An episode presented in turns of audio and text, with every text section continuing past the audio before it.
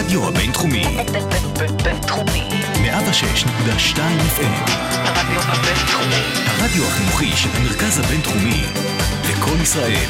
106.2 FM. השעה הבינתחומית. פודקאסט שמחדד את המוח.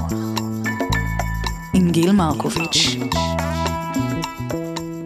הרדיו הבינתחומי, 106.2 FM, השעה הבינתחומית, איזה כיף. אני גיל מרקוביץ' כאן באולפן, ואיתי פרופסור ברק ליבאי, מרצה לשיווק מבית הספר למינהל עסקים, כאן במרכז הבינתחומי, שלום שלום. שלום, שלום. אתה מתעסק בדברים מאוד מעניינים, שטרם יצא לי, אני חושבת, לדבר עליהם כאן בתוכנית, על אף שיש לה כבר איזה 300 פרקים, אני חושבת. אה, אז זה יהיה נחמד. הגיע הזמן. נכון, נכון. האמת שאני אספר לך איך הגעתי אליך, אולי זה יעשה לנו איזה הרמה להנחתה.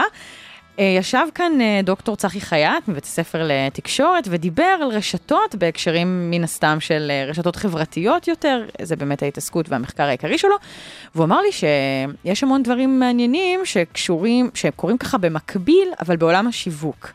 והוא דיבר איתי בעיקר על הומוגניות. דיברנו על איך בסופו של דבר הפייסבוק שלך או שלך, של המשתמש, הופך להיות מאוד הומוגני, משום ש...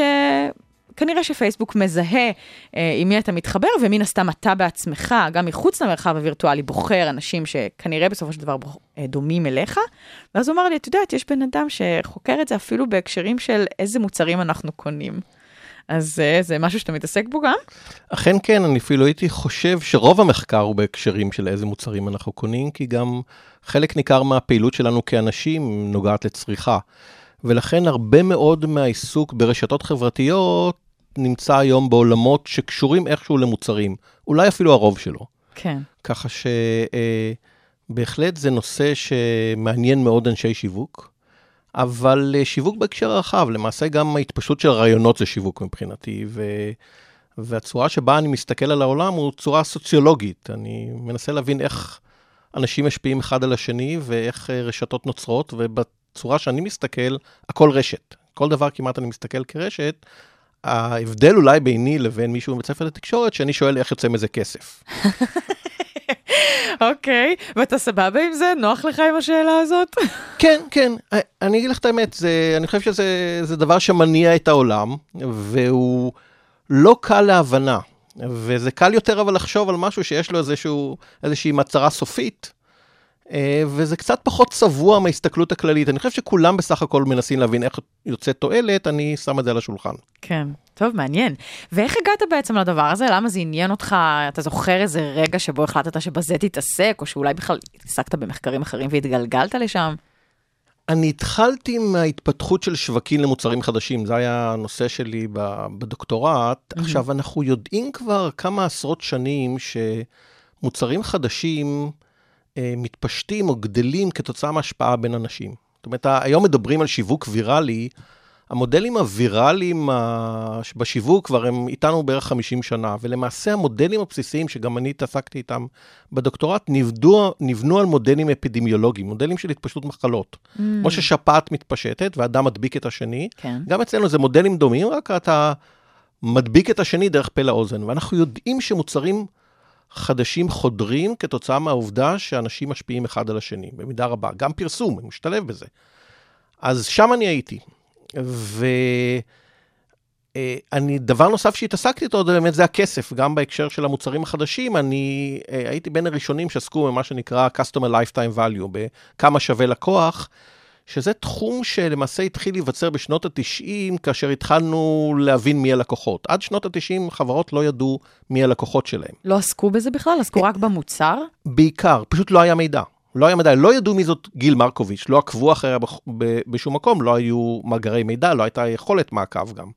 ולכן לא ניהלו את גיל מרקוביץ', ולמעשה השינוי שבא מהטכנולוגיה הביא לכך שחברות התחילו לנהל לקוחות. כן. חלק מהעניין הזה, בתחילת הדרך אנשים הבינו, אם, אם זה גיל מרקוביץ', אם מדובר אכן בגיל מרקוביץ', היא שווה לנו לא רק בגלל שהיא קונה, אלא בגלל שהיא משפיעה על אחרים. Mm. אז זה דבר שעניין אותי כבר כשסיימתי את הדוקטורט, ואם את שואלת על אה, איזשהו אירוע מסוים, אני עסקתי אז ב-Lifetime Value, התחלתי להסתכל על זה בכמה שווה לקוח, וחזרתי אז לארץ מארצות הברית, והשירות בארץ לא, לא תמיד מופלא. ואמרתי לעצמי, ניסיתי להבין למה עושים את זה. כי גם כשאני הולך למסעדה או לשוק או לכל מקום, אני תמיד שואל את עצמי למה הם עושים את זה, כי זה מעניין אותי מבחינה מחקרית. אז uh, אמרתי, למה הם דופקים אותי? בואו בוא ננסה להבין את, ה, את הבסיס ה- האם זה ההגיוני. משתלם האם זה להם? משתלם להם? כן, אמרתי, יכול להיות שזה משתלם, יכול להיות ש... יודע, כן. מסתכלים על הפרצוף שלי, אני צריך לדפוק אותו. אז, אה, ואז אמרתי, תראו, הם לא משתלם להם כי מפסידים ב-lifetime value. אבל התחלתי לחשוב, אמרתי, זה לא משתלם להם, כי גם אני, הם מפסידים את הפה לאוזן שלי, והם מקבלים פה לאוזן שלילי אולי. אז לא כדאי להם, למה הם עושים את זה? אולי הם לא מבינים מה שהם עושים. ואז ניסיתי להתחיל להסתכל, להגיד, מה אנחנו יודעים על זה? וראיתי שלא יודעים. זה, זה די מורכב, אם, אולי נדבר על זה. לא יודעים המדידה- בארץ או לא יודעים גם בעולם, בחו"ל בעולם, בתקופה הזו? בעולם. מהמם. אני לא, ה- ה- האמת היא שזה, אנשים אוהבים את זה או לא, אבל ה- העולם שאני מסתכל עליו מבחינת מחקר הוא עולם בינלאומי, הוא לאו Mhm. דווקא בארץ. המחקרים הם מתפרסמים בעולם, בדרך כלל באנגלית. אז כאילו מה שאתה אומר זה בעצם שבארצות הברית סתם היו נחמדים, לא כי השתלם להם. שהשירות היה יותר טוב סתם. לא, אני חושב שזה לא סתם, אני חושב שיש פה הבנה די עמוקה, וזה אני גם מדבר על זה עם הסטודנטים שלי, כי אני שואל אותם, אני אומר להם, תראו, יש את הסיפורים בארצות הברית שאתה בא וקנית רדיו או טלוויזיה או מה שקורה היום, והוא לא תקין, ואתה בא ושכחת את האריזה בך, ואתה בא ולוקחים את זה. ואומר- ואומרים לך, אין בעיות, ואני שואל אותם, האם הם פראיירים? האם הם טיפשים? האם הם לא מבינים?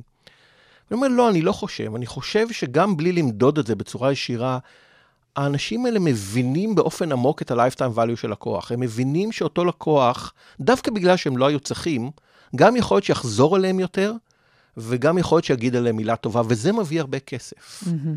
אז uh, מהמחשבה על אני לא אהיה פראייר, אני לא חושב שיוצא הרבה כסף. כן. אז התחלת בעצם, ראית שהדבר, אין עליו מידע בעולם, ואז? והתח... ואז התחלתי לחשוב איך ממדלים את זה. מה עושים? אוקיי, נניח ש... איך מודדים שצריך. גם. איך מודדים את זה? והתחלתי לחשוב על, על דרכים, ואני חושב שהתחילה אז שורה של מחקרים שעשיתי, למעשה אני עושה עד היום, שתקפתי את הנושא מכל מיני זוויות. הרבה בהקשרים של חדירת מוצרים חדשים ובהקשרים אחרים. אחד המחקרים הראשונים שזכה לכמה פרסים בינלאומיים, באמת הראה בהקשר של מוצר חדש, כמה אנחנו מפסידים כשאנחנו מאבדים לקוח. זה למעשה היה המחקר הראשון, אני חושב, שהראה בצורה מסודרת שאיך אפשר למדוד את הערך של הפה לאוזן שמפסידים של לקוח.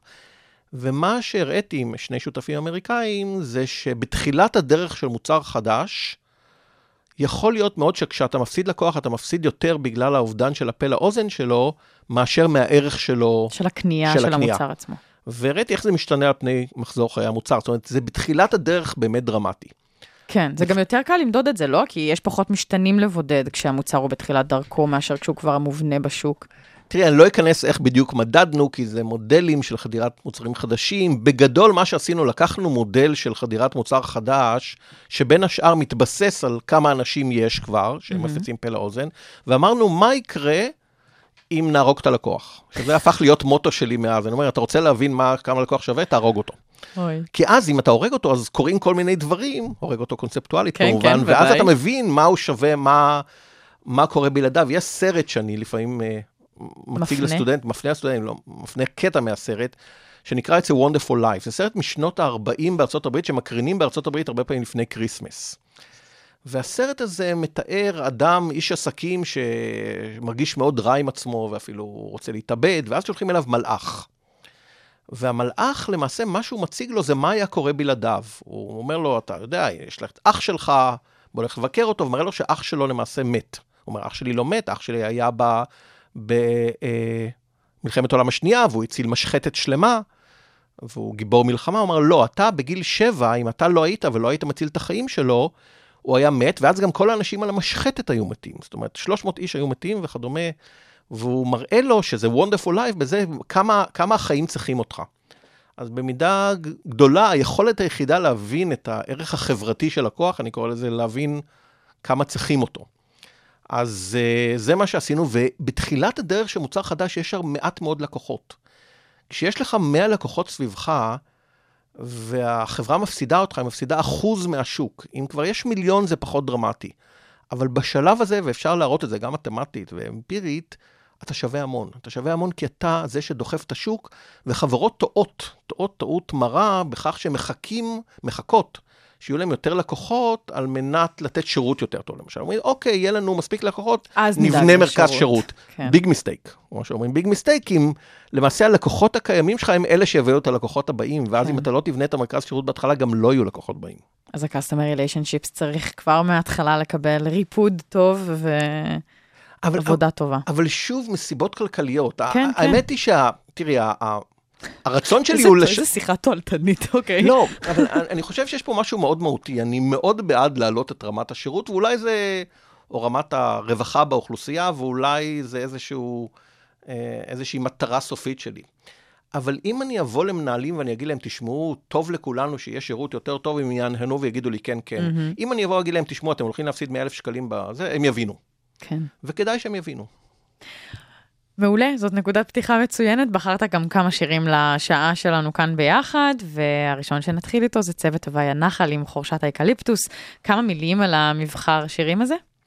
זה שירים של נעמי שמר, ואני עברתי לדירה ברמת אביב אה, לפני שנה ומשהו, וזה בניין שנעמי שמר גרה בו, יש כזה שלט בכניסה, ואני חושב שבאמת התרומה שלה לתרבות הישראלית היא, היא, היא מדהימה, ואני לא, לא בטוח אפילו רק לישראלית, באמת יש בה, בשילוב של הלחנים והמילים שלה איזו גאונות שאני חושב שהיא לא פחות מרשימה מכל פרופסור שאני מכיר. אז נעמי שמר תלווה את התוכנית הזו. נתחיל עם חורשת האקליפטוס.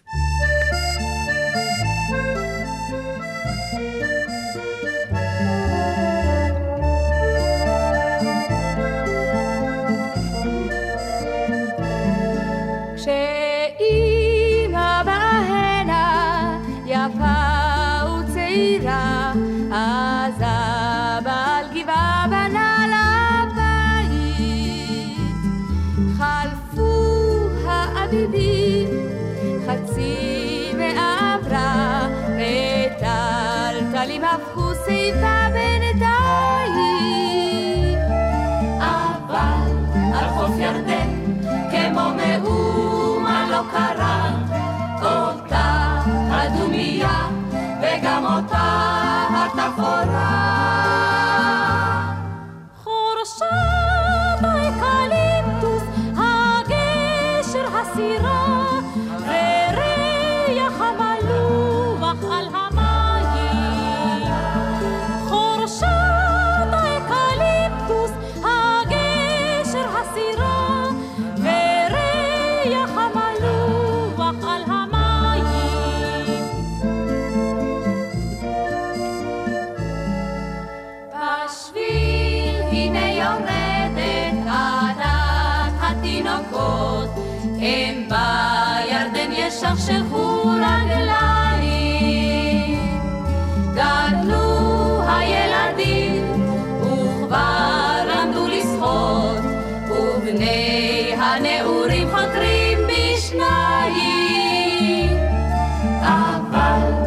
על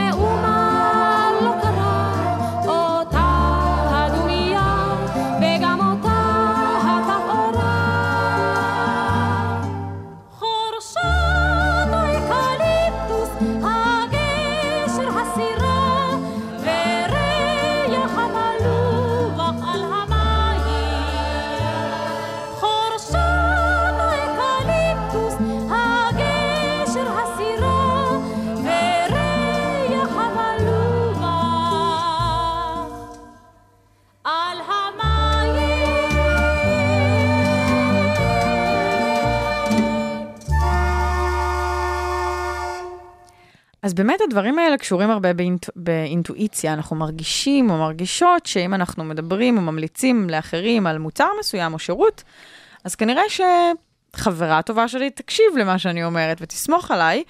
ואז באמת אתה בא ואומר, רגע, אבל בוא נמדוד את זה, ואיך זה עובד, ואיך אפשר לעקוב אחרי הדברים, ואחרי אותה חברה, והאם היא באמת בסוף אה, מימשה את ההמלצה שלך. אז אני רוצה אה, לשאול, קודם כל, האם באמת כבר אה, יש דאטה שמראה שמשפחה וחברים הם אה, באמת גורמים להגדלת המכירות? אה, ואם כן, אז אני אשמח קצת לשמוע על איך הדבר הזה בכלל אה, גובש ו- וגובה בנתונים. אה, וגם, איך בהינתן זה, בתור מנהל או מנהלת של מוצר, מותג, איך אני בכלל מתכננת אסטרטגיה כזאת? זה דבר עצום ודינמי ומבוזר, שכאילו אני בכלל לא יודעת איך, מאיפה מתחילים. זאת שאלה טובה מאוד מאיפה מתחילים. כן, אפשר למדוד, ו... ואי אפשר היה בעבר. אה, למעשה, כל הנושא של פה לאוזן היה קופסה שחורה עבור משווקים הרבה מאוד זמן. אנחנו יודעים על הכוח של פה לאוזן כבר משנות ה-50. אחד המחקרים הראשונים נעשה אה, בין השאר בעזרתו של אליהו כץ, מי שהיה לימים אה, דיקן בית ספר לתקשורת באוניברסיטה העברית, והוא בדק את ההתפשטות של אנטיביוטיקה, של סוג של אנטיביוטיקה בתחילת שנות ה-50, וגילה שרופאים הושפעו באימוץ של המוצר החדש שנקרא אנטיביוטיקה רבות מאיזה רופאים אחרים אימצו כבר, או מדיבור איתם. Mm-hmm. וכבר אז הבינו שלמעשה מוצרים חדשים, או כל חידוש שהוא חודר הרבה מאוד באמצעות השפעה חברתית, אבל האמת שלא ידעו מה לעשות עם זה. זה היה מין קופסה שחורה, כי איך אפשר למדוד את זה? איך אפשר לעקוב על זה? איך אפשר להשפיע על זה? וזה ישב בצד, המשיכו והתעסקו בפרסום, אנשי השיווק, וידעו שיש פה לאוזן, אבל לא עשו הרבה אה, אה, בנושא. זה השתנה בתחילת שנות האלפיים הרבה מאוד עם האינטרנט. אה, דנקן וואטס, שהוא אחד מגדולי חוקרי הרשתות, אחד שהיה פרופסור בקולומביה ועכשיו הוא אחד מהחוקרים הראשיים של מייקרוסופט בנושאים האלה, דימה את זה פעם למה שקרה בפיזיקה, כאשר גלילאו המציא את הטלסקופ. בבת אחת התחילו לראות את השמיים. וגם אנחנו, החוקרים במדעי החברה בכלל, ברגע שהתחילו לגבי הנתונים, התחילו, התחלנו לראות את השמיים. וזה הגיע מכל מיני מקומות, מכל מיני uh, מאגרי מידע, מכל מיני הסתכלויות ושילוב של סטטיסטיקות לא פשוטות. כן. אני אתן לך דוגמה למחקר שאני הייתי מעורב בו, נניח, uh, והובילה אותו עירית ניצן, שהייתה אז תלמידת דוקטורט שלי באוניברסיטת תל אביב, היום היא חברת סגל שם, ועסק בכמה אנשים מושפעים מהנטישה של החברים שלהם. כי בוא נניח שאת uh, חברה ברשת סלולרית, וחברה uh, שלך עוזבת, או חבר שלך עוזב, האם זה ישפיע על החלטה שלך לעזוב גם כן? כי תגידי, תשמעי, אני מבינה שבמוצר חדש זה אולי חשוב, אני כבר uh, לקוחה שם, אני לא צריכה אותם בשביל לדעת מה קורה. עכשיו, אנחנו יכולים לשאול בסקרים האם אתה מושפע וכדומה, אבל אנשים לא יודעים אם מושפעים או לא, ולא יגידו ולא זוכרים. השאלה איך בכל זאת יודעים. אז מה שעשינו אז, אה, הגענו לאיזשהו הסכם עם איזושהי חברה סלולרית, שהיא נתנה לנו את המאגר מידע שלה. עכשיו, זה מוצפן, לא ידענו מי אנשים, אבל היה לנו את הרשת של מיליון אנשים, כולל מי דיבר עם מי. ומה שיכלנו לעשות זה לבנות את הרשתות החברתיות שלהם. זאת אומרת, לראות אם את מדברת עם קבוצת אנשים יותר מאחרים, אז כנראה שזה הרשת החברתית שלך. ויש לנו גם uh, אינדיקציות במקומות אחרים בעולם, המדיה לאב של ה-MIT וכדומה, שבאמת הרשת הסלולרית היא מייצג יפה של הרשת החברתית שלך. אז ראינו מי דיבר על מי, והיו לנו איזה שהם פרטים עליהם, ועל מה שעשו החברות באותו זמן. ובאמצעים סטטיסטיים שאלנו את השאלה, האם... כשגיל עוזבת את הרשת החברתית שלה, האם זה מעלה את הסיכויים של אנשים סביבה לעזוב גם כן? זה היה ב-2008, קצת לפני המהפכות של כחלון, אז היינו קצת יותר קשורים לסלולרי. כן. בכל מקרה, באותו זמן מצאנו שבחודש הראשון לאחר העזיבה, העזיבה שלך מעלה את סיכויי הנטישה של הרשת החברתית סביבך ב-80 אחוז. עכשיו, זה לא ל-80 אחוז, זה ב, זאת אומרת, היה נניח אה, אחוז, עלה ל-1.8, אבל זה המון. כן. הראינו איך זה יורד אחרי זמן, איך זה, איך זה באמת יותר חזק בין אנשים שיותר קרובים אחד לשני. זה שוב, זה מאמר שהיכה גלים, גם זה היה אחד הראשונים לנצל דאטה בצורה הזאת, היום כן. אנשים עושים את הדברים גם כן. אז, אז זה סוג של מידע שלא היה פעם, זה היה מדע בדיוני, אף אחד לא יכל להגיע לכאלה כמויות של מידע, לנתח אותם. רשת חברתית של מיליון איש זה ניתוח סטטיסטי די מורכב. כן. אמ, אז זה, זה למשל סוג של אה, אה, דבר שאנחנו עושים, אנחנו עושים הרבה מאוד סימולציות. ענת, שיחקת פעם בסים סיטי? לא, אבל אני יודעת שהפסדתי. כן, אה, כנראה, כן. רציני מאוד. הסים סיטי זה מין תוכנה כזאת שבה הרבה ילדים בדרך כלל בונים עולם דמיוני כזה, ומשחקים איתו, מזיזים, עושים, בונים, הורסים. ואנחנו עושים דברים דומים, אנחנו קוראים לזה agent-based model. זה, האמת שזה כלים די מורכבים שהגיעו מביולוגיה ופיזיקה, שאתה מדמה עולם, ואתה בא ואומר, תשמע, אה, באמת כל הסיפור הזה של לאוזן הוא נורא מורכב. כי אני מדבר עם גיל שמדברת עם יוסי, שמדבר עם שלמה, שלא מדבר עם ההוא וכן מדבר עם הזה. איך אני מבין איך נוצר מזה באמת תהליך? ונורא קשה לעקוב אחרי זה. מה שאני כן יכול להבין זה מה קורה ברמת האינדיבידואלים, כמה אנשים גיל מדברת וכמה מושפעים וכדומה. השאלה היא איך אני מעביר את זה לרמה יותר גדולה. והצורה שאני מעביר זה אני בונה סימולציות רחבות היקף, שנתבססות על איך נראות רשתות חברתיות אמיתיות, ושם בפנים כל מיני נתונים מהשטח. או למשל, ניסוי- מה, דברים שכבר קניתי, או בת כמה אני, או מה? לא, איזה מה- נתונים מהשטח? נתונים מהשטח, זה אומר, אני יודע שבממוצע אדם מדבר עם כך וכך אנשים. אני יודע שבממוצע הסיכוי שאתה תהיה מושפע מפרסום בודד הוא כך וכך. אני שם את הדברים ברמת אינדיבידואל, ואז אומר, אוקיי, אז הוא עושה ניסויים. אומר, אוקיי, אז יש לי רשת של אלפי אנשים וכדומה, בואו נעשה ניסוי ונראה מה יקרה. אם- האם אם אני אלך למובילי הדעה, באמת יהיה שוני בכסף שאני אעשה בסופו של דבר, מאשר אם אני לא אלך. ואנחנו משתמשים, אוספים מידע שאנחנו יכולים ברמת אינדיבידואל, שמים את זה במערכות היותר מורכבות האלה, ומשחקים משחקים לראות מה באמת קורה. כן. וכמובן אנחנו מצפים לראות דברים שהם, it makes sense, ש, שבאמת אה, אה, אפשר להגיד משהו על העולם. כן. אז זה סוג אח- אחר של שימוש במידע בהקשר הזה. אני רוצה לשאול, קודם כל אתה אומר שהדבר הזה נמצא איתנו עוד לפני שהרשתות החברתיות הווירטואליות נכנסו לתמונה. ועכשיו, גם כשהן בתמונה, עדיין, אני, אם אני לא טועה, יש אה, אמירה שבכל זאת המלצה שהיא face to face, שהיא מחוץ לעולם המקוון, היא שווה פי שניים יותר מהמלצה שהיא מקוונת. איך יודעים את זה? וגם, מה לגבי זה עושה אותו מנהל שאני שואלת על, האסטרט, על האסטרטגיה שלו? כי איך הוא גורם לזה שאני אדבר איתך על זה ולא רק אעשה share או אכתוב איזה פוסט? אז ראשית, סביר להניח שזה לא נכון. זאת אומרת, אוקיי. לא נכון, כי אני, אני שומע גם על כל מיני מספרים כאלה שזורקים, וחברות, וחברות מחקר, וחברות ייעוץ אוהבות לז, לזרוק כל מיני מספרים, וזה ההבדל בין מחקר אקדמי ללא אקדמי. אנחנו עוברים תהליך שפיטה שבה כל דבר שאני זורק ואין לי עליו תימוכין, נזרק מהמאמר, או שאני נזרק עם המאמר. כן. אז... אה, במקרה הרע. ואנשים יכולים גם באינטרנט לזרוק כל מיני דברים. מה שכן כנראה נכון הוא, שלפחות עד לפני כמה שנים, עדיין היה הרבה הרבה יותר פה לאוזן offline מאשר אונליין. ואני מאמין שלמעשה גם היום. זאת אומרת, רוב ההשפעה של אנשים ברכישה של דברים, מבחינת התקשורת הבין-אישית, היא עדיין offline כי הם רואים אחד את השני. זה תלוי במח- במוצר ותלוי איך אתה מגדיר פה לאוזן, האם אתה מגדיר טריפ אדוויזור כפה לאוזן Mm. או לא. אבל פה לאוזן בתקשורת בין אנשים, אם את מתקשרת, אם שואלת אנשים בפייסבוק או דברים כאלה, עדיין את תושפעי מאוד מאנשים סביבך. כן. היום, אני, התהליכים האלה, ברור שהאונליין עולה ועולה, הב- הבעיה שהיום קשה להפריד, זה איזשהו מסע, אנחנו קוראים לזה customer journey, שהוא משולב לקראת הרכישה, שקצת מזה וקצת מזה ו- והכל ביחד. אז די קשה להפריד. אנחנו כן יודעים שפה לאוזן באמת משפיע יותר כנראה ב offline, במובן הזה שאת נותנת לזה יותר קרדיביליטי, האינטראקציה יותר טובה, אה, אבל עדיין יש הרבה מאוד אונליין. כן. ככה שזה זה trade off לא ברור. אה, איך, מה מנהלים יכולים לעשות בנושא? האמירה שלי שבסופו של יום, באמת בסופו של יום, שהם יעשו מוצרים טובים. שיהיה לך מוצר טוב, אז יהיה לך סיבה לדבר עליו. אבל אפשר לבנות, להבנות לתוך המוצר אה, דברים שיעזרו לפה לאוזן שלו. למשל, עד כמה קל לראות מי היצרן. זה דבר נורא אה, אה, פשוט, אבל תחשבי, יש לי על השולחן מסך עומד בין, יש לי שני מסכים שאחד כן. מהם עומד. וזה נורא מרשים אנשים שנכנסים. אומרים, למה? ואני מסביר להם, משכנע אותם שלמעשה גם שלהם היו צריכים לעמוד. אבל יכול להיות שיש לי גם hard disk נורא נהדר בתוך המחשב, אף אחד לא יודע עליו. אז חלק מהדברים זה נראות, איך רואים באמת שזה מגיע ממך. נכון, למשל, אין לי מושג של מי המיקרופון הזה, והוא ממש מוצלח. אני Mhm. עכשיו מנסה לבדוק, אבל אני לא בטוחה שכתוב כאן.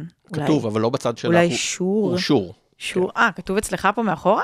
אה. תחשבי בהקשר, בוא, אני אתן לך... בהקשר הזה אני כבר קניתי את המיקרופון, זה מי שמתארח אצלי צריך לראות של מי הוא. נכון, נכון, זה גם זה. ואם את רוצה דוגמה נחמדה לדבר הזה, תחשבי מה אפל עשתה עם, ה... עם הלפטופים שלהם. שימי לב שאת התפוח, נכון, לא, לא שמים לזה שלי. שמשתמש לאחרים. אני, שאני עומד מול סטודנטים בכיתה, אני יודע בדיוק לכמה יש אפל. נכון, זו חשיבה מאוד עמוקה. נכון. חשיבה שאומר, אני בא לעודד פה לאוזן. יש כל מיני דרכים לעודד פה לאוזן. יש לי, מישהו מתעניין ב- בישראל, יש קולגה שלי מוורטון בשם ג'ונה ברגר, שכתב ספר נחמד שתורגם לעברית בשם ויראלי. והוא אומר- מה, גור, מה יכול לגרום לאנשים לדבר על המוצר שלך? כל מיני דברים, בין השאר למשל, אם יש בו סיפור מעניין. מהמם. מוצרים שיש בהם סיפור, מדברים אליהם. האם הוא נותן לי איזשהו ערך רגשי? האם אנחנו רואים למשל שאנשים, אם עושים שיירינג באינטרנט, הם עושים שיירינג לדברים רגשיים יותר מאשר לדברים פונקציונליים. כן. איך הוא עוזר לי לקדם את עצמי? יש לי אה, אנשים של Outbrain, שהיא חברה אה, ישראלית גדולה באינטרנט, עשו מחקר מעניין. הם הסתכלו על איזה כתבות אנשים קוראים ואיזה אנשים, כתבות אנשים מעבירים הלאה. מסתבר שהם קוראים הרבה מאוד כתבות על רכילות וסקס ומעבירים הלאה כתבות על דברים מאוד פונקציונליים ורציניים. אז חלק מהעניין שאתה מדבר, אתה מדבר בשביל ליצור אידנטיטי לעצמך בעיני אחרים. אז השאלה, כן. עד כמה המוצר שלי עוזר ליצור אידנטיטי? וואו. עד כמה הוא עוזר לאחרים. ה- ה- אני חושב שהדבר המעניין, וזה קורה גם הרבה מאוד שאני נפגש עם מנהלים בחברות וכדומה, הם לא באמת מבינים עד כמה עשו מחקרים על הדברים האלה. הם חיים בעולם שלהם, ויש להם קצת תובנות וקצת קראו, ונדמה להם שהם ממציאים את הגלגל, אבל uh, הגלגל כבר הומצא, ו- וזה די טרגדיה שבתחום הזה יש נתק נורא גדול בין האקדמיה לבין התעשייה, ואני לא אומר אשמת מי זה, זה אשמת כל הצדדים, אבל זה קיים. כן. כשאתה אומר, אה, המנה, המנהל צריך בעצם לדאוג לזה שהחברה שלו מייצרת מוצר טוב מאוד, בעצם זה שוב מחזיר אותי ללקוחות, כי איך אני יודעת אם המוצר שלי טוב? אני יודעת אם אני צריכה לברר אם יש צורך, אני צריכה אהה. לברר אם, ה, אם כיף להשתמש בו, אם הוא נוח לשימוש, אה, אם הוא אה, מחזיק הרבה זמן, בר קיימא. אכן. אז כל הדברים האלה כל הזמן מחזירים אותי ללקוח. לא רק בשיווק אני חוזרת ללקוח ובודקת אם הוא ממליץ, אלא כבר בתכנון המוצר, כבר בשלבים המאוד ראשונים, אני צריכה לזהות את הבעיה מספיק טוב ולזהות את הצרכים מספיק טוב של הלקוח. זה תמיד הלקוח. הקורס שאני מלמד פה בתוכנית ה-MBA של בינתחומי נקרא Customer Centric Marketing, שיווד ממוקד לקוח. אנחנו תמיד צריכים להיות ממוקדי לקוח, וזה, וזה למעשה, זאת המהפכה שקרתה שהדאטה היום, המידע שיש, מאפשר לנו להיות הרבה יותר ממוקדי לקוח. כן, נכון שזה הופך אותנו ל-1984 מבחינה מסוימת, מבחינת היכולת לעקוב, כן. אבל מי שטוב, הוא ממוקד לקוח. אני, אני רוצה לתת לך דוגמה, אני, אני מקשיב ליוטיוב לפעמים, שירים שאני מכין את ההוראה או כל דבר אחר, ויש שם דבר מעניין, בזמנו ביוטיוב, השירים שהציעו לי, נניח שמעתי שיר מסוים, הנה נעמי שמר נניח ששמענו, אז היו נותנים לי שירים של נעמי שמר. היום, הליסט שהם שמים שם זה כל מיני שירים שהם חושבים שהם מתאימים לי, כי הם יודעים עליי כל מיני דברים. ואני יכול לשבת שם, ועוברים משיר לשיר, ואני אומר, וואלה, איך הם יודעים? זה שירים שלא שמעתי דווקא ביוטיוב, אבל אני אומר, וואלה, זה, מזמן לא שמעתי את זה. הם פיתחו עם השנים ידע עליי, שנגזר מאיזה שירים אני משתמש בהם. הם לומדים את השירים שאני משתמש, ואומרים, אוקיי, מי ששמע את זה גם מתעניין בזה, למשל. אז, אז זה ידע מאוד עמוק על לקוח, ואני נשאר איתם. אוקיי, אז הנה, אז אה, נגיד שיוטיוב בחר את השיר הבא של מירי אלוני, שגם נעמי שמר, מירי אלוני מבצעת, אה, בארץ לאדם. נשמע כן, אותו?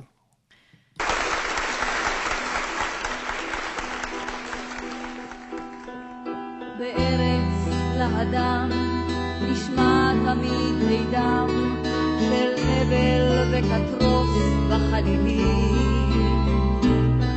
וחרש על ידם בארץ לאדם מכים תופי געגועים גדולים. קח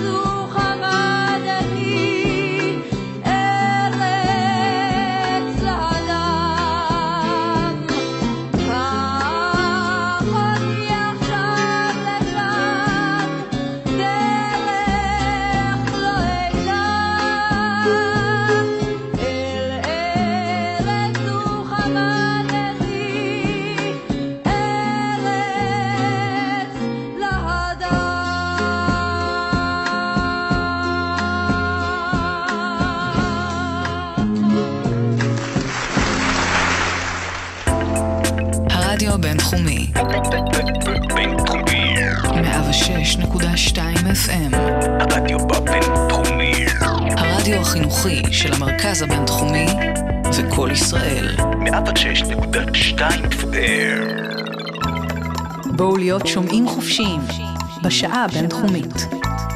כל הפרקים ב iTunes ובאתר. בעצם מה שיוטיוב עושה, וגם אמזון ומיליון דברים אחרים, חברות אחרות, היא בעצם אומרת, אוקיי, אני למדתי אותך, אני יודעת מה את אוהבת, ואני עכשיו אעזור לך למצוא את זה, את לא צריכה לחפש, להתאמץ, לשאול, אני חכמה מספיק בשבילך. וכשאני חושבת על זה באמת, ואתה גם מציג את זה במאמר שלך, ספריות למשל, ספריות של ספרים, כן? מסודרות, אה, גם לא של ספרים, מסודרות בצורה כזאת שיש על מדף אחד, אזור אחד, את כל ספרי המתח, או את כל הקומדיה. ואולי זה אפילו כרונולוגי. מתח אה, ישנים, מתח חדשים, אולי זה מתח אה, רבי מכר, ולעומת מתח פחות מוכרים. האם זה אותו דבר, או שזה כאילו, האם זה ניסיון לעשות את אותו דבר, ואנחנו בעצם יודעים את הידע הזה ממש מזמן, פשוט עכשיו אנחנו, יש לנו אלגוריתם נורא חכם שיודע לעשות את זה, לדייק את זה עוד יותר ועוד יותר, או שזה סתם היה איזה, שוב, אינטואיציה כזאת בספריות, וזה לא באמת עבד, ולא באמת גרם לי להשאיל יותר ספרים, לשאול יותר ספרים מהספרייה, כי תכלס אני מתעניינת בכותב מתח אחד, ובסופרת קומדיה אחרת, ואני לא באמת מסתכלת מה יש מסביב. אז זאת שאלה אמפירית מעניינת. זאת אומרת, הספריות לא ידעו בדרך כלל, וגם הסופרמרקטים לא תמיד ידענו אם כתוצאה מכך שאתה קונה גבינה צהובה, זה מביא אותך גם לקנות לחם בשביל לעשות עליה טוסט, או לא. יכלנו לנחש. אבל היום אנחנו מתחילים לדעת, וזה למעשה מה שהוביל אותי למאמר שאת מדברת עליו, שבאמת השתמש בנתונים של אמזון, שבא ואמר, תראו, אם בני אדם משפיעים אחד על השני דרך פה לאוזן, האם גם מוצרים מספקים פה לאוזן? במובן של המטאפורה שלו, אם תרצי. אמ, כי אנחנו נכנסים לאמזון היום, ואז אמזון אומר לנו, תראו, מי שקנה את הספר הזה, קנה גם את זה ואת זה ואת זה. ואנחנו למעשה אומרים, אוקיי, אז בואו נבדוק גם את זה ואת זה ואת זה. זה מעין המלצה של ספר א' על ספר ב'. את נכנסת בשביל לקנות את הדה וינצ'י קוד, ואומרים לך, מי שקנה את הדה וינצ'י קוד גם קנה את זה ואת זה, אז כאילו דה וינצ'י קוד המליץ. אז כמו שיש לנו רשתות חברתיות של אנשים, אנחנו יכולים לבנות עכשיו רשתות חברתיות של מוצרים. שבהם מוצר אחד ממליץ, ומוצרים מקבלים המלצות ממוצרים אחרים, ונותנים המלצות למוצרים אחרים.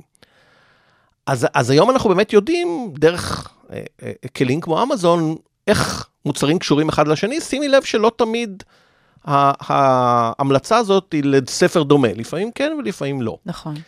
ואז אמרנו, עבדתי בעיקר עם גל אויסטרחר זינגר מאוניברסיטת תל אביב, ועוד כמה תלמידי מחקר. אמרנו, אוקיי, אם זה נכון, כמה שווה לי באמת ספר?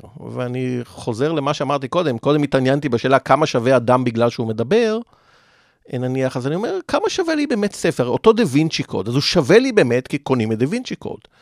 אבל הוא גם שווה לי בגלל שהוא מביא למכירות של אחרים. מצד שלישי, אתה בא ואומר, רגע, הוא שווה לי, אבל הוא גם קיבל הרבה מהמכירות שלו מספרים אחרים, גם את זה צריך להביא בחשבון.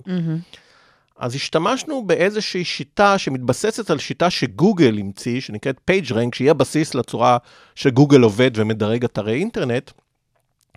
ולמעשה מה שעשינו, דירגנו מחדש את הספרים על, על אמזון. הורדנו דאטה על, אה, על בערך מיליון ספרים באמזון, והיה לנו מאמזון כל מיני, כל מיני סוגי מידע שאפשרו לנו לדעת הקשר בין ספרים. כן.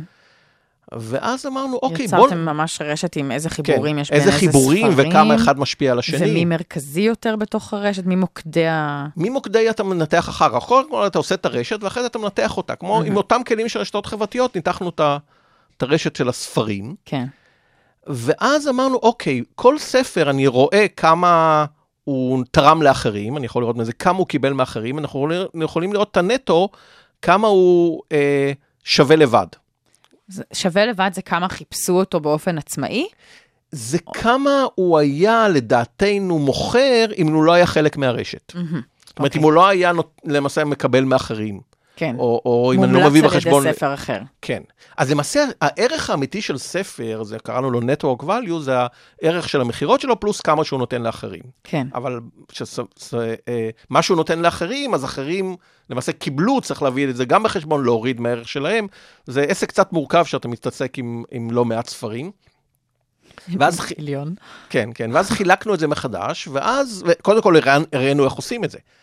ואז אמרנו, אתה יודע, בוא נסתכל כמה שווים באמת ה-best sellers, הספרים המאוד פופולריים. לעומת הזנב הארוך. הזנב הארוך זה אותם המוני ספרים באמזון שכמעט אף אחד לא קונה. אה, אומנות צרפתית במאה ה-17 בזווית מסוימת.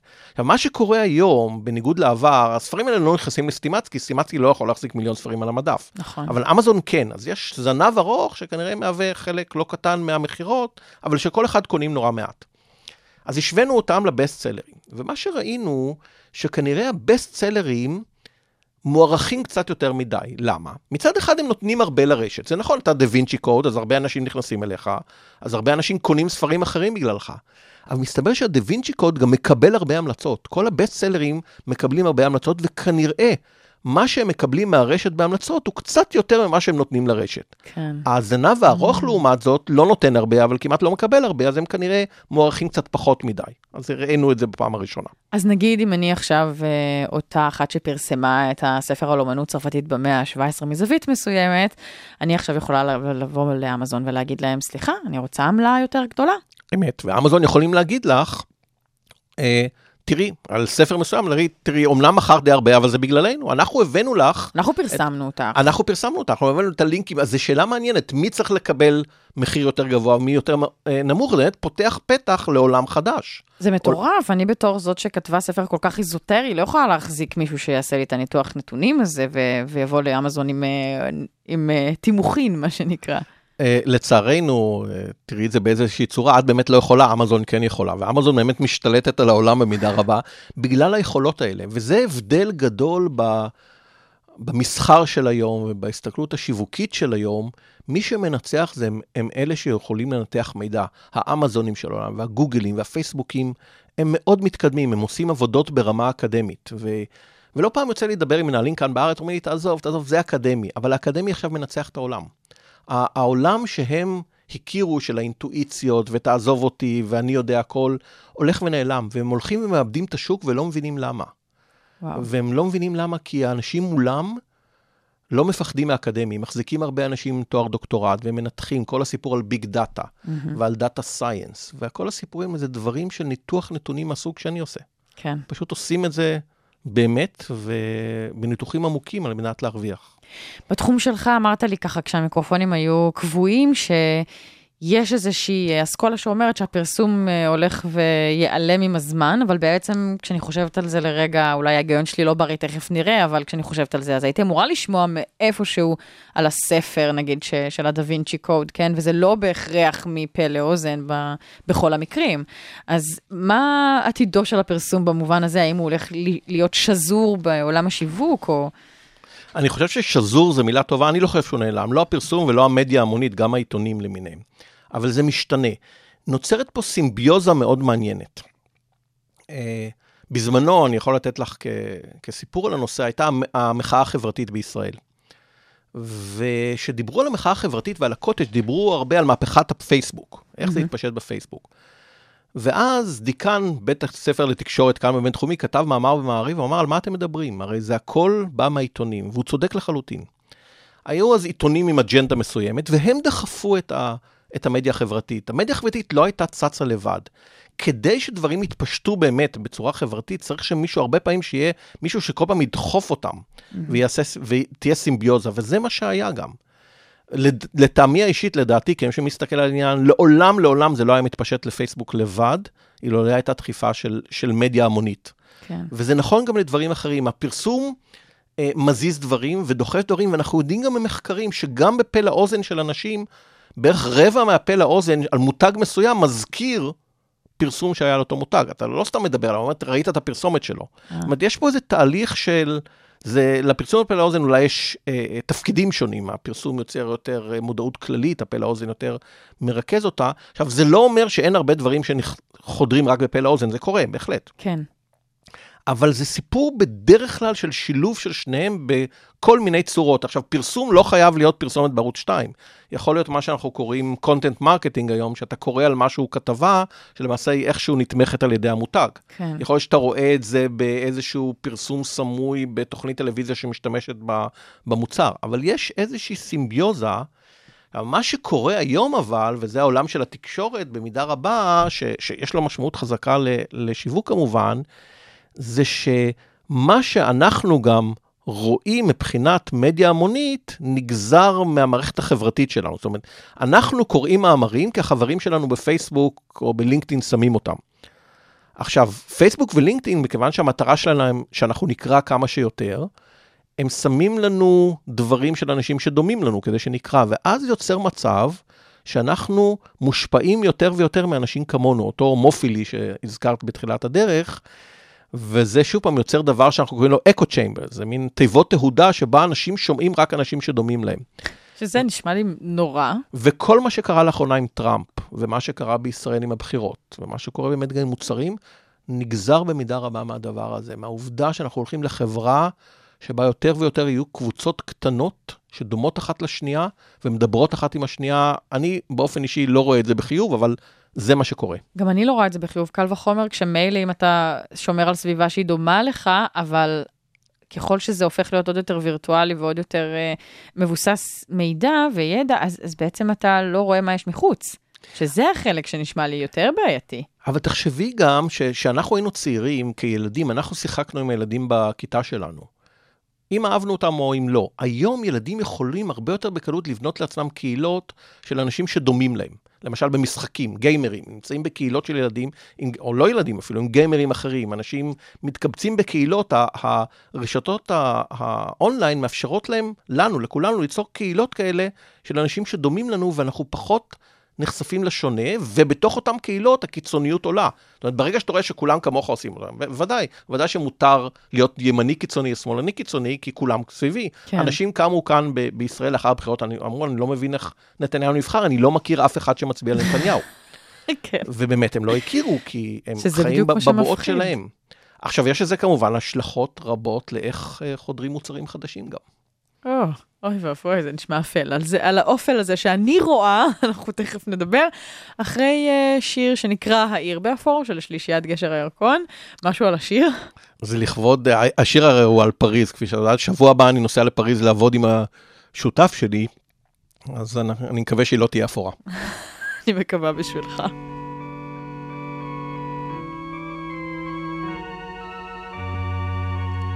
אם תרצי שאראה לך את העיר באפור, בואי ונטייל לך על אבני מרצפות,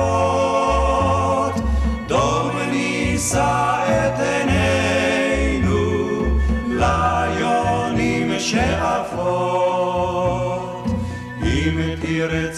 שאראה לך את העיר באפור. אז אתן את ידי לך ונרד לרציף ערמות של שלכת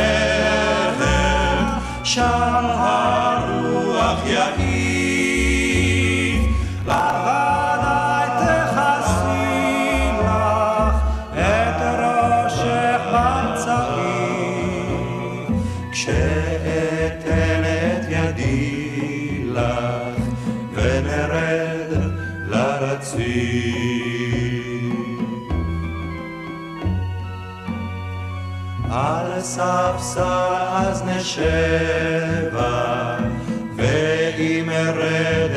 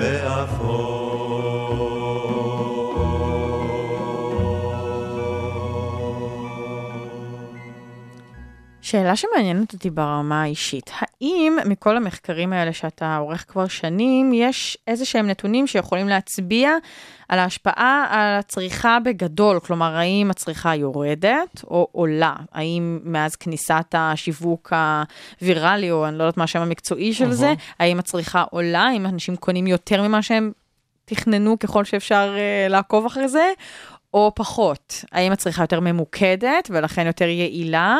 או שאני דווקא קונה יותר. את יודעת, זו שאלה טובה, אני לא בטוח שבאמת ניסיתי להוציא נתונים כאלה, זה דברים שיותר כלכלנים עוסקים בהם, אני חושב, או סוציולוגים אולי, בהקשר היותר רחב. אני חושב שהצריכה תעבור להיות יותר ממוקדת, כי חברות ידעו יותר להציע את הדברים הנכונים. הם מצד שני יוכלו ללחוץ על הטריגרים של אנשים בצורה יותר טובה. הם לומדים את האנשים והדאטה תאפשר להם להבין יותר איך להשפיע על אנשים. הרבה מאוד עבודות בפסיכולוגיה, בהתנהגות צרכנים בהקשר הזה, יותר מאשר דברים אחרים. ו... אה, אבל, אבל יש פה גם זרמים אחרים, יש את הזרמים של האנטי-צריכה, של ה-No Logo, של נעמי קליין ואחרים, של דור המילניום, שהוא, או דורות יותר מאוחרים, שהם דווקא צורכים פחות, mm-hmm. בחלקם, או שהם משנים אה, סגנונות צריכה. נכון, אה, הם, של ה-No Logo, הם וגם... עושים ספרייה להכל. וגם זה נוגע למחקרים שלי, כי אני מסתכל על השפעות בין אנשים, וגם זה סוג של התפשטות של השפעה. זה לא מוצר, אלא, אלא רעיון, אבל זה, זה אותם מודלים. כן. אותם מודלים שבא ואומר, למה אתה מתחיל באמת לא להשתמש בלוגו, או לעשות כך, או לעשות אחרת. אני, אני חושב שלמען האמת, שמה שישפיע יותר על צריכה זה כמה כסף יהיה לאנשים. אני, אני חושב ש... ואנחנו כולנו מדברים בארץ על הבעיות של ה... דור היותר צעיר, ואני חושב שזה בעיות אמיתיות, כי הולכים להיעלם המון מקומות עבודה. זה מה שאנחנו רואים, זה מה שאני מדבר עם קולגות שלי שעוסקות, שהמידע והרובוטיקה והמחשבים הולכים להעלים המון מקומות עבודה. ואז ייווצר מצב שתהיה פה אוכלוסייה יותר מוגבלת, שיהיה לה באמת עבודה טובה ואולי כסף, והרבה מאוד אנשים שאולי יסתדרו איכשהו, אבל לא הרבה יותר מזה. כי המקומות הקלאסיים עם הקביעות ועם ה... השכר הסביר, הם הולכים ונעלמים. כן. ומי שיוצא היום מהאוניברסיטאות, אה, צריך להבין את זה, ולכן אני כמעט מתחנן לסטודנטים שלי שימשיכו ללמוד אחרי האוניברסיטה, שימשיכו להתפתח, שימשיכו לקרוא. כי זה הדבר שיהפוך אותם לשונים ו... ול... בשוק, ולנצרכים יותר בשוק. ונצרכים, אבל אני לא יודע אם הם באמת מאמינים לי, כי נראה לי שבשלב היותר צעיר, הם נראה להם שהעולם כולו פתוח לפניהם. הם לא רואים את האנשים שאני רואה, בני 40 ו-45 ו-50, שלא עשו את זה, ואז הם מגלים פתאום שאין להם לאן ללכת. מעניין מה שאתה אומר, אני רואה את הדור שלנו דווקא כ... ככאלה שפשוט מבינים את זה בצורה די אינטואיטיבית, ולכן מרגישים להם? קצת, לא, ולכן אה, הם, הם קצת מתעלמים מהעצה הזו, כי הם יודעים שהם יעשו את זה, שהם קוראים כל הזמן, שהם מתעניינים במה קורה במקומות אחרים, שהם שומעים מאחרים ואז בודקים שיטות שונות, או אתה, אתה מהנהן לשלילה, זה לא, לא. נראה לך קורה לא. בפועל? הם קוראים, הם מסתכלים מה קורה פה ושם, אבל אני מדבר מבחינה מקצועית. אני כן, מדבר... כן, אני מדברת מבחינה מקצועית. הלוואי, אני... אני... Self-managed learning, יש שיטה כזאת. כן, אבל. אני חושב שכולנו במרוץ של החיים, קשה לנו לתת לזה עדיפות. כי את יודעת, אתה באיזשהו שלב, אתה מתחתן, יש לך ילדים, ואתה איכשהו שורד. כן. ואיכשהו שורד, אין לך זמן באמת לשבת ולהגיד, אוקיי, בוא אני אלמד על הסביבה, בוא אני אלמד לאן העולם הולך, בוא אני אחשוב איך אני צריך לשנות. עכשיו, יש אנשים שעושים את זה, אבל הרוב לא, הרוב, כי, כי קשה, ואני מבין אותם. כן. אה, אולי דווקא המדיום של הפודקאסטים אה, מתחיל לשנות את את- זה, שזה צריכה, אנשים פשוט נוהגים בפקקים שעתיים, אז הם שומעים פודקאסט מעניין בתחום ההיסטוריה, בתחום האמנות, בתחום השיווק, כל אחד. אבל זה אנדוגני, כמו שאומרים אצלנו במחקר, כי מי ששומע את הפודקאסט הזה, זה מישהו שכנראה יותר מתעניין מממוצע, כי אחרת הוא היה שם גלגלצ ושוקע לו במוזיקה. תרדמת נצח עם הפקקים של היום. אוקיי, אמ, שאלה נוספת שגם אה, מעניינת אותי ברמה האישית. אז אני סיפרתי לך, אני חווה אנשי אה, שיווק ופרסום כהשטן, אה, The Bad Guys, שבעצם גם הורסים כאן את כדור הארץ מבחינת קיימות וכמות הצריכה והזבל שאנחנו מייצרים ודואגים לא לראות. ו... אוגרים אותו, אותו במקומות שרק מזיקים, אמ, ועד לרעיון שבאמת אנחנו לא צריכים את כל מה שאנחנו קונים, ומה מבחינת הכסף שלנו, והאם הוא מנותב, מיועל למקומות הנכונים. אז איך אתה עם זה? האם אתה חלק מה-bad guys? לאן הכיוון הזה הולך? אמרת לי קודם דבר נורא שנראה לך, נורא בעיניי, שנראה לך שבאמת אה, בסופו של דבר המחקרים האלה יסבירו לחברות למי כדאי לתת שירות טוב ולמי לא. ואז יכול להיות שבכלל זה עוד יותר אפל ממה שדמיינתי. אז אני רוצה לדעת איך אתה עם המחשבות האלה. ראשית, אני לא בטוח שהשיווק יוצר, בניגוד למה שנדמה שהוא יוצר צרכים, אני חושב שזה צרכים שקיימים, ואני חושב שאנחנו רוצים להעמיס במידה רבה על השיווק את המגבלות שלנו ואת החולשות שלנו, להגיד זה הם עושים, זה ה-bad guys, זה אנחנו.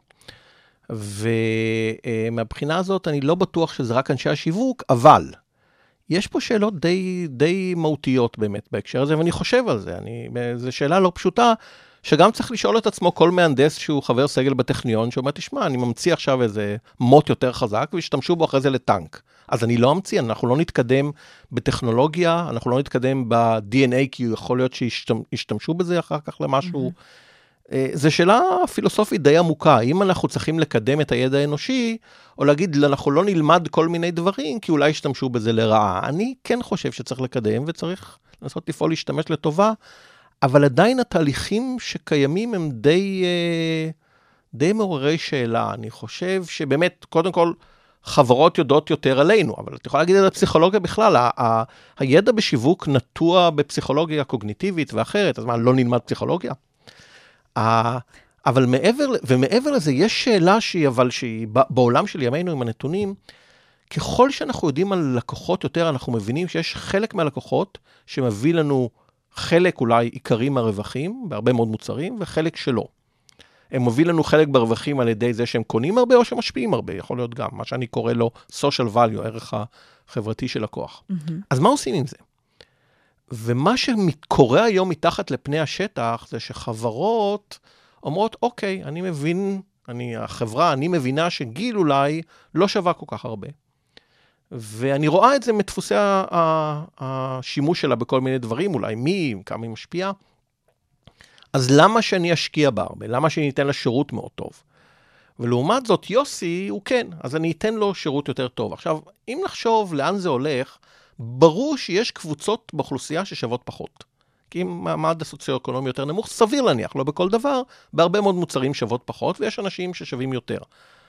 האם אנחנו הולכים לעולם שבו יהיו אנשים שכל מקום שהם ילכו בו יקבלו שירות או מוצרים פחות טובים, מול כאלה שכל מקום שהם ילכו יקבלו יותר טובים? זו שאלה טובה, זה קורה. זה קורה והאנשים אוספים מידע עלינו, בעיקר עם הסלולרי דרך אגב, זה ה-game changer הרציני. מה כן. שאוספים עלייך בסלולרי הוא לא יאומן. אני לא יודע אם את באמת קוראת את, על מה את חותמת שאת משתמשת בכל האפליקציות חינם, אבל זה פחות או יותר שעה לעשות עם המידע שלך מה שהם רוצים. כן. מידע שלך באפליקציה הזאת, אפליקציות אחרות ובכל דבר. עכשיו, יבוא מישהו ואנשים באים ואומרים, אוקיי, אנחנו מנתחים את זה. אנחנו מנתחים את זה, ואז אנחנו יודעים עלייך באמת הרבה מאוד. עכשיו, קל להגיד, אוי ואבוי, זה נורא, אבל אני, אני מעלה את השאלה אה, שאותה אני שואל אנשים שהם אומרים לי, אני אומר, אוקיי, בוא נניח שאתם יודעים שבאמת בעסק שלכם אתם מפסידים על 50% מהאנשים, ואנחנו רואים, כשאנחנו סופ... מסתכלים על המידע לעומק, שבאמת הרבה מאוד עסקים מפסידים על הרבה מאוד לקוחות. אז מה אתם עושים? אתם ירשתם איזה עסק מסבכם, ואתם, זה מה שמפרנס אתכם עכשיו, ואתם מגלים שאתם מפסידים על 50% מהלקוחות. מה אתם עושים? נניח שאתם מפסידים בסניף עפולה. סניף עפולה לא רווחי. אז האם לסגור או... האם לסגור? האם להפסיד? אה, זה, זה קל לבוא לחברות ולהגיד להם, אה, תעשו, אבל למעשה מה שהם עשו בעבר, זה היה מתוך בורות. הם לא ידעו על לקוחות, ולכן נתנו סובסידיה לכולם. עכשיו הם יודעים, אומרים, תשמעו, אנחנו יודעים, יש כאלה שאנחנו מרוויחים, מפסידים. האם זה לא מוסרי להגיד להם אה, אה, לא לנהל את הלקוחות? טוב, עם, זו, עם השאלה הזו נסיים. זאת שאלה לחשוב עליה, אה, ואני מודה לך מאוד על השעה הזו. פרופסור ברק ליבאי, מרצה לשיווק, בית הספר למנהל עסקים כאן במרכז הבינתחומי. הרבה הרבה תודה לך על המידע, על המחקר, על השעה ועל בחירת השירים. אה, שהפעם אנחנו נסיים עם אה, שיר סיום של, בביצוע של חווה אלברשטיין, גם נעמי שמר. אכן, כן. אני גיל מרקוביץ', אתם על הרדיו הבינתחומי, 106.2 FM, עוד שעה בינתחומית מסתיימת לה. תודה רבה.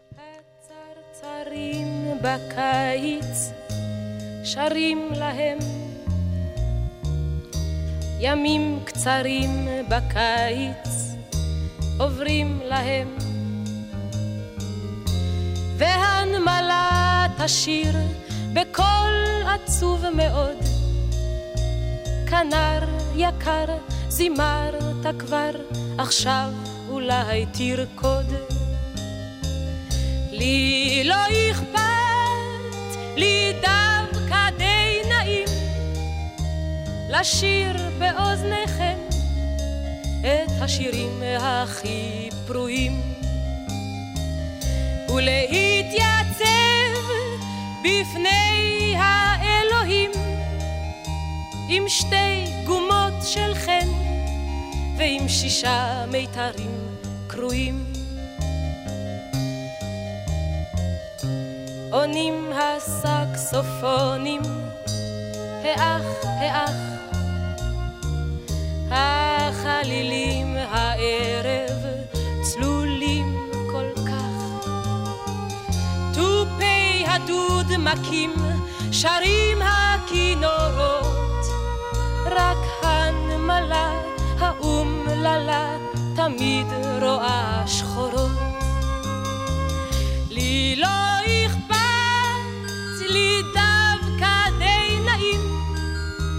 לשיר באוזניכם את השירים הכי פרועים.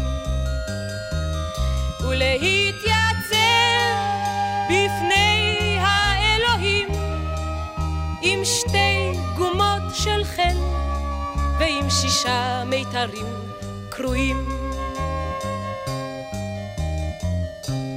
היו שלום בינתיים אחים שלי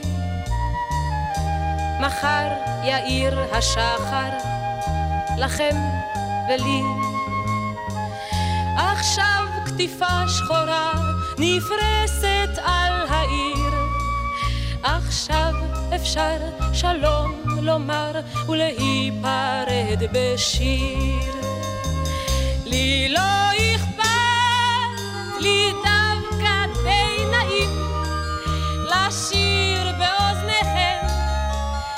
השירים הכי פרועים